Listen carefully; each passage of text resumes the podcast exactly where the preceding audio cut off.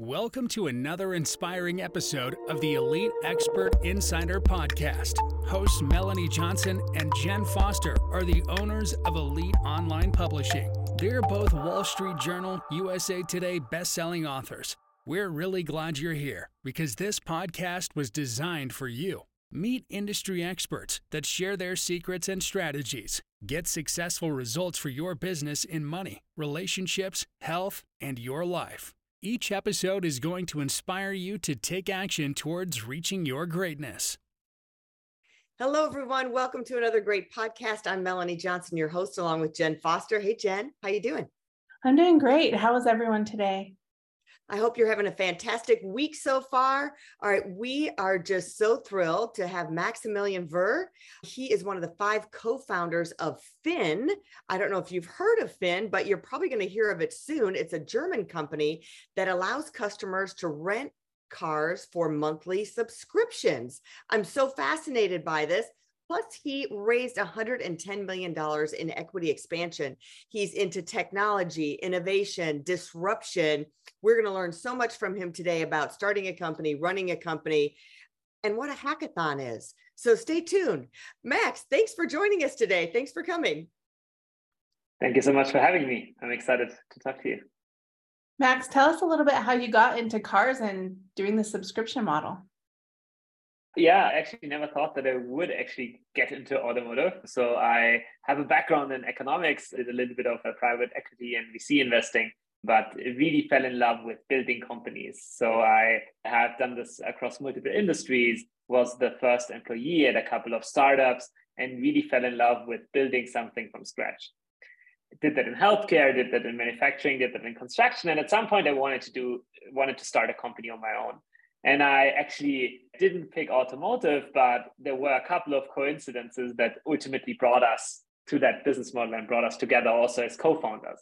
So, one of my co founders was really excited about doing something in automotive, and I didn't ex- understand that excitement at first. But when I started thinking about it, when I started thinking about my own experiences buying my first car on the West Coast, it was actually something that really resonated with me because back then I didn't have any clue about cars. I didn't know what to look out for. I didn't know that basically everybody that I had contact with back then tried to scam me ultimately. And so it wasn't the easiest experience, but it's something that motivates me to this day. And I think like also part of the problem that we want to solve where we want to offer really easy access to mobility that is seamless, digital, that you can do from the from your phone in less than three minutes order a car get it delivered to your doorstep and then simply start driving because we took care of all the things that are typically hassle like insurance registration paying taxes maintenance all these things that you don't want to think about well, and you don't have to do the good cop, bad cop thing when you're when you're going to buy a car. You know, you have the good guy and the bad guy, and they go back and forth and haggle the price for a while. And you're there for five hours. you don't have to hire FBI trained negotiation coach to uh, get your next vehicle. Exactly. So walk us through how Finn really works. So do you have a fleet of cars like a Hertz rental car would, and then people are picking for there, or is it more like a Turo and it's individuals who already own cars that are adding them to your fleet and they're renting that way? Is it month to month? Do they sign up for a six month subscription? Kind of how does all of that work? Absolutely. So we buy the cars from OEMs, so from the manufacturers, and mm-hmm. from dealerships. So we partner together with the existing ecosystem, buy these vehicles, and then you simply get a consumer that signs up for a six or 12 month subscription. And after that subscription, we basically return the car either to a dealership or to the manufacturer directly. And so we typically have a very high utilization across our fleet, meaning that most of the cars that we have on our balance sheet that we actually own are typically in usage and are driving around across the US, across Germany. Now, do they have to put money down? Do they have to put a deposit down for the car? Like you do, you know, when you buy a car, you have to put so much money down or lease a car before you can do that. Is there a deposit? There is no money down. There is a deposit if you don't have a certain creditworthiness, then you might have to put one or two monthly rents down, but there is no down payment, no kind of like advance that you typically have with leases or with buying a car. And what is the price point? So is it similar to leasing a car or rent, you know, having a monthly loan on a car or how does that work? So it's very similar to leasing a new car. So basically, when you go out to look for leasing offers, if you look at your all in costs, so basically, once you add insurance, once you add maintenance, once you add repairs, paying taxes, like all these things, we are typically in the same ballpark. And I would say we are quite affordable. We have different vehicles, and according to the vehicle, of course, according to the model that you actually pick, you pay different monthly rates. And in that monthly rate, already everything is included but gas, but charging mm-hmm. is obviously something that you have to pay yourself for. But yeah, monthly rates starting at 499 going up to $1,200, $1,300 a month. You know, starting a new company like this is daunting. It reminds me, I watched the movie of how Uber started, and, you know, how do you even begin right? You've got to get funding you've got to get it by get all these employees. Did you start with funding and just an idea? Kind of walk us through that whole process of getting started. The most important thing is having a great having great people around you. I want to say having a great team but like it's in the beginning it's very few people it's not really a team yet. So having a couple of people that you trust that you work together with really really well that balance each other out, that have different skills, is I think the most important aspect. And that already makes it a lot easier because ultimately, specifically in these early days, but still now, you need to take a lot of no's. And so you get a lot of rejection. It's a little bit like dating, where there you go on to 400 dates until you find the one. And uh, that's basically also a little bit around an entrepreneurship where you get a lot of no's until you finally get to the yes. And along the way, everybody tells you what you're doing doesn't work. It's impossible. It's it's not feasible. And some of the feedback is very valid. So also always look for the feedback that is applicable and where people might be actually onto something. But you also got to believe in ultimately the insight that you have into why you started this company and the pain point. Like always think back of I think back of my experiences. I think back I think about the consumer experiences that we actually are able to improve. And that is something that is really motivating me and that keeps me going. Well, and yeah. tell us a little bit about the, you know, the, so you, how did you actually start? Did you start with the funding? So after you get all the people, then what? Yeah, th- then you need to get some money ex- exactly yeah. because otherwise it's going to be a very sad group of people that cannot afford this for a very long time. So that was also something that was fairly straightforward for us. I worked at a VC firm before that. One of my co founders started a couple of businesses before that. The other co founders had a specific experience that was applicable to the challenge that we wanted to solve. So we were able to convince investors quite quickly in terms of giving us some money. But then the obligations really start because you make promises to them. You say, hey, in a year we will have that many customers. And then you sit there and you don't have anything and you need to get going. You make a list. Okay, these are the 120 things that we need to do before we can serve the first customer. And then you start, you get going, you hire more people, and you're growing the business. But getting that first investment also needs ultimately a really good story. So mm-hmm. why should people care about what you're doing? Typically, mm-hmm. nobody has waited for you. Nobody is out there. Oh, when does Max finally come along with his great idea? No you really need to convince them. You need to get them excited and you need to on the one hand one hand side explain why the problem really matters but mm-hmm. also the opportunity that is behind that. Right. And- i really like how this company that you've started you were out of the box thinking right? Like it's a disruptor. Like it's something that is opposite of how the process works now right? So i really love how it's a disruptor in the industry kind of similar to uber or any of those I would say it's a very different user experience. So you, for you as a consumer, I would say it's a disruptor. I think like what is very important to me and has been from day one is ultimately we want to be a partner. We don't want to destroy other companies. We want to partner with them and we want to make sure that different companies have different strengths. And for me, it's very important that you ultimately improve life for the consumer, that you mm-hmm. make people's lives better. And to do that, you can also rely on different partners. So we partner very closely with dealerships when it comes to maintenance, when it comes to repairs, when it comes to delivering the vehicles. Yeah. We partner closely with OEMs because we don't want to manufacture the vehicle ourselves. And so I think it's very important that you leverage the different strengths people have. I think it also helps to be very clear about what we bring to the table and what they bring to the table. So also don't sell yourself short, but know what you are good at. And then I think that is a good mix. And then you mentioned you're mission oriented. So what makes you mission oriented and why is that important for a company to have that? So how we think about mission orientation is that everybody at the company should be clear and guided, focused towards a clear mission that they have. So ultimately, if I'm working at Finn, I should have a very clear mission of that is my goal, that's my objective, that's what I want to achieve over the next couple of weeks. And so having that mission is the first aspect that already gives a lot of clarity and a lot of focus. But then on the next step, you also need to have all the resources to achieve these missions. And that's oftentimes where companies fall apart, where there's a lot of infighting, where there's a back and forth. Oh, I haven't been able to achieve that because I didn't get the support from engineering that I needed. And so for us, it was very important to enable people to work autonomously, to take over responsibility, to deliver a clear outcome by themselves, to develop a clear sense of ownership for a specific area. And that's why we focused very much on, on putting engineering everywhere, but also enabling everybody to build automations, to build processes, to build technology applications by themselves to ultimately solve problems for the consumer. Now, let's talk a little bit about the tech part of it. You said it's a very user friendly. How did you get into that and know how to build the app or whatever like that?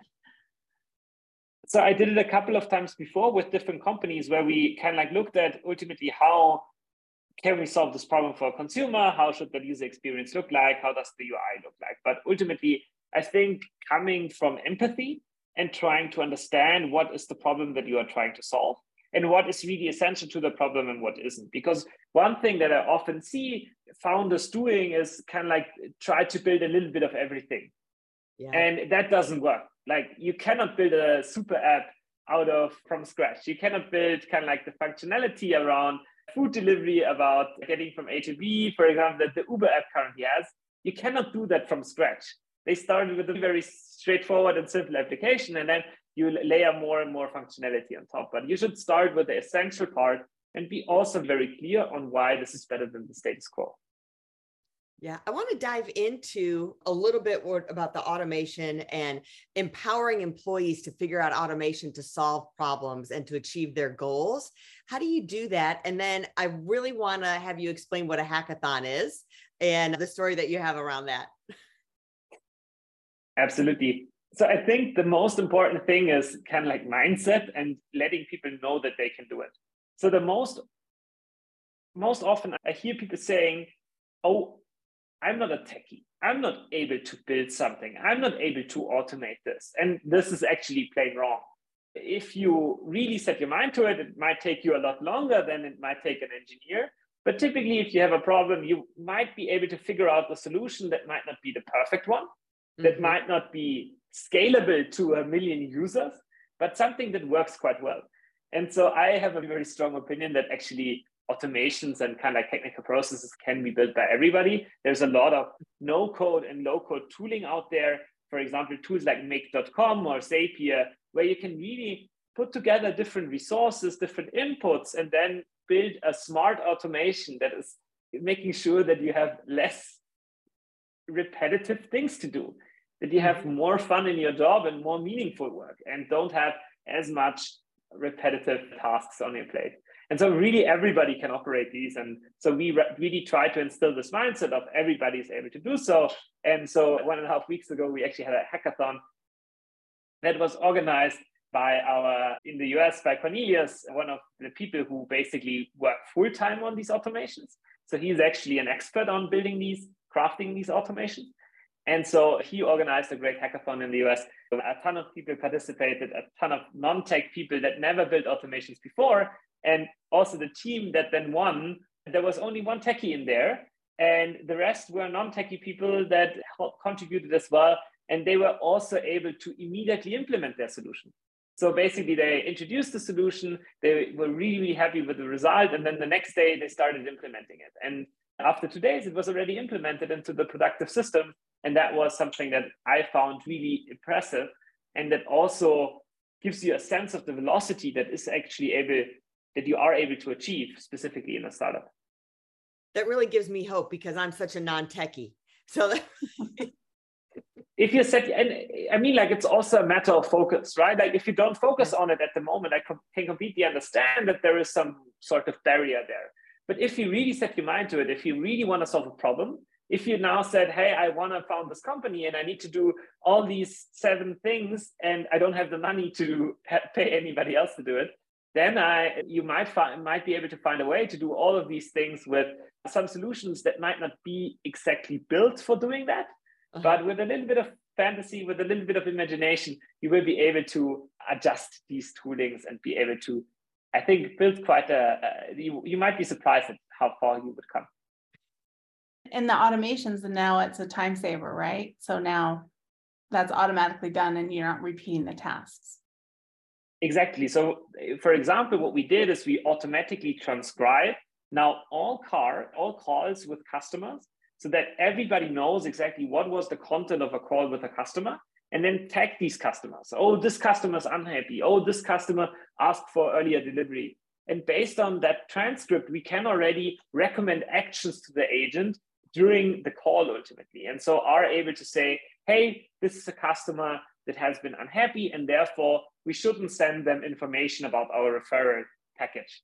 But we might send them information about like how to do something with a car subscription that they might not have been aware of to ultimately increase the value that we deliver. If we know that a customer is super happy, then let's say let's send him the referral link all the time so that he can share or she can share their happiness with all of the friends that they have. That makes sense. I love that. And you know, you can take every single process of your company if you can streamline like that. It seems daunting sometimes. Even with our business, we go into these micro sections of it and we're like, "Oh my gosh, who's going to do that? How are we going to do that?" So I really love that you can empower the employees and different people to be creative and to do that and step out of the box to do that. So what do you think the future for Finn is? It's so hard. They say most companies go out of business in five years. Uber had its ups and downs where it almost crashed and burned several times. What do you think has made you sustainable so far as a company? What are some of your, you know, secrets that you say this is what we've done different that's made us still great and that we're still thriving? And these are some of the challenges we've had that we've overcome. Yeah, I think like uh, one of my core things that I preach is profitability on a unit economic level. So ultimately, everything, and it sounds like something that's very basic, but something that a lot of these venture backed companies haven't been doing for the past like three, four, five years specifically, yeah. where I deeply care about how much money am I earning with every additional customer. And so I, of course, understand like as we are building this business and as we are growing really rapidly, we are not profitable because we are hiring more people, we are expanding quickly, we are opening new markets. But each additional customer, they need to be profitable. Otherwise, why are we adding them? Like just for the sake of adding them. And so I really deeply care about kind of like the underlying unit economics of the business and kind of like understanding how you are able to ultimately, yeah, grow more growth being a good thing, like growth actually meaning more profit and so on. And I think for many normal people, that sounds like just something that is very clear and very straightforward. But the venture world has forgotten that a little bit over the past years. And yeah, I think that is one thing that is different and something that is really challenging when you're growing is sitting together in one room, five people in the beginning, very easy to keep everybody aligned, to keep everybody on the same page, to have a very clear focus, to have fun while you're working. And as you're growing the company, as you're growing more and more people, that is becoming more challenging. Making sure that everybody's on the same page, that everybody's running into the same direction, mm-hmm. but also that everybody's having fun at what they're doing is something that is challenging, but that we pay a lot of attention to. I like that. Do you use any AI or artificial intelligence in any of the tech that you guys do? So, for example, in the hackathon, it was purely focused on generative AI and kind of like doing this transcription, basically also with AI, but like with a kind of like speech to text encoder. And then using generative AI like ChatGPT to ultimately label the output and say basically, this was the intent of the customer this is the label that we should apply to the call to the text. And so the hackathon was actually concentrated around that aspect. But I always like to remind people that for AI, you typically need a lot of data.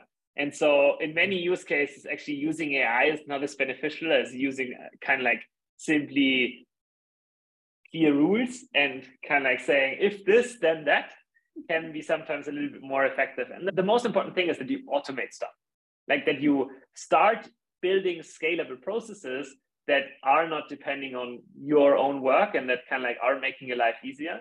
And I think that's the first hurdle. And then you can also think about how generative AI fits into that picture. And there's a ton of potential for that as well. And what were the two applications that you were saying you used? Zapier and what was the other one? Make.com. And Make.com is fantastic. Like we have been using that from day one and i'm one of the biggest advocates. It's really it's mind-blowing how powerful this tool is. It's basically zapier on steroids because you can do a lot of things that you couldn't do with zapier you can do iterations you can do loops you can do error management you can yeah run very large companies on top of that of that tool. And a huge shout out to the make.com team as they are doing an amazing job. That's awesome. Well max tell us where people can find you and find more about you and and how to sign up for finn yeah, just go to finn.com, find the perfect car that you really, really like, order a car subscription in less than three minutes, get it delivered to your doorstep, and then never worry about all the hassle that is typically associated with car ownership. Again. Now, do you do sports it. cars and fancy cars too, or just everyday kind of cars? We typically do everyday kind of cars. So you can find everything from a Chevy Blazer to a Jeep Grand Cherokee, Jeep Wagoneer. So like a lot of domestic manufacturers so also a lot of the US brands and rather on the normal car side than the luxury side. But there's still some Audis and some other foreign cars too, or is it mostly US? Like, can you get those currently, in the US? Currently, it's mostly US, but we, for example, have Audis in the pipeline that look uh, really good. And so I'm very excited about them coming online soon. Oh, good. And this is available everywhere in the United States? We are available on the East Coast, so basically from Virginia northwards, but we are expanding over the next 12 months to multiple other states, including Florida, California, and some, some more. And Texas, you got to be in Texas. Everyone's moving to Texas. Texas, hopefully, very soon as well. Yeah, awesome. Well, thank you so much for being here. We'll put the links up in the show notes and people can go and order their car. Sounds great. Thank you so much Thank for your time. I really appreciate it. Thanks, Max. Great having you. And remember, if you're looking to write a book and become a best-selling author, reach out to us at eliteonlinepublishing.com. And we'll see you next time. Have a great work week, everybody. Bye-bye. Bye. Hey, are you looking to increase your revenue, build credibility, and elevate your brand? This podcast is brought to you by Elite Online Publishing, an innovative publishing and full spectrum marketing company. They will publish and market your book to make it a number one bestseller. Becoming an author is the best way to market your business. So contact them at eliteonlinepublishing.com today. All of their authors become number one bestsellers.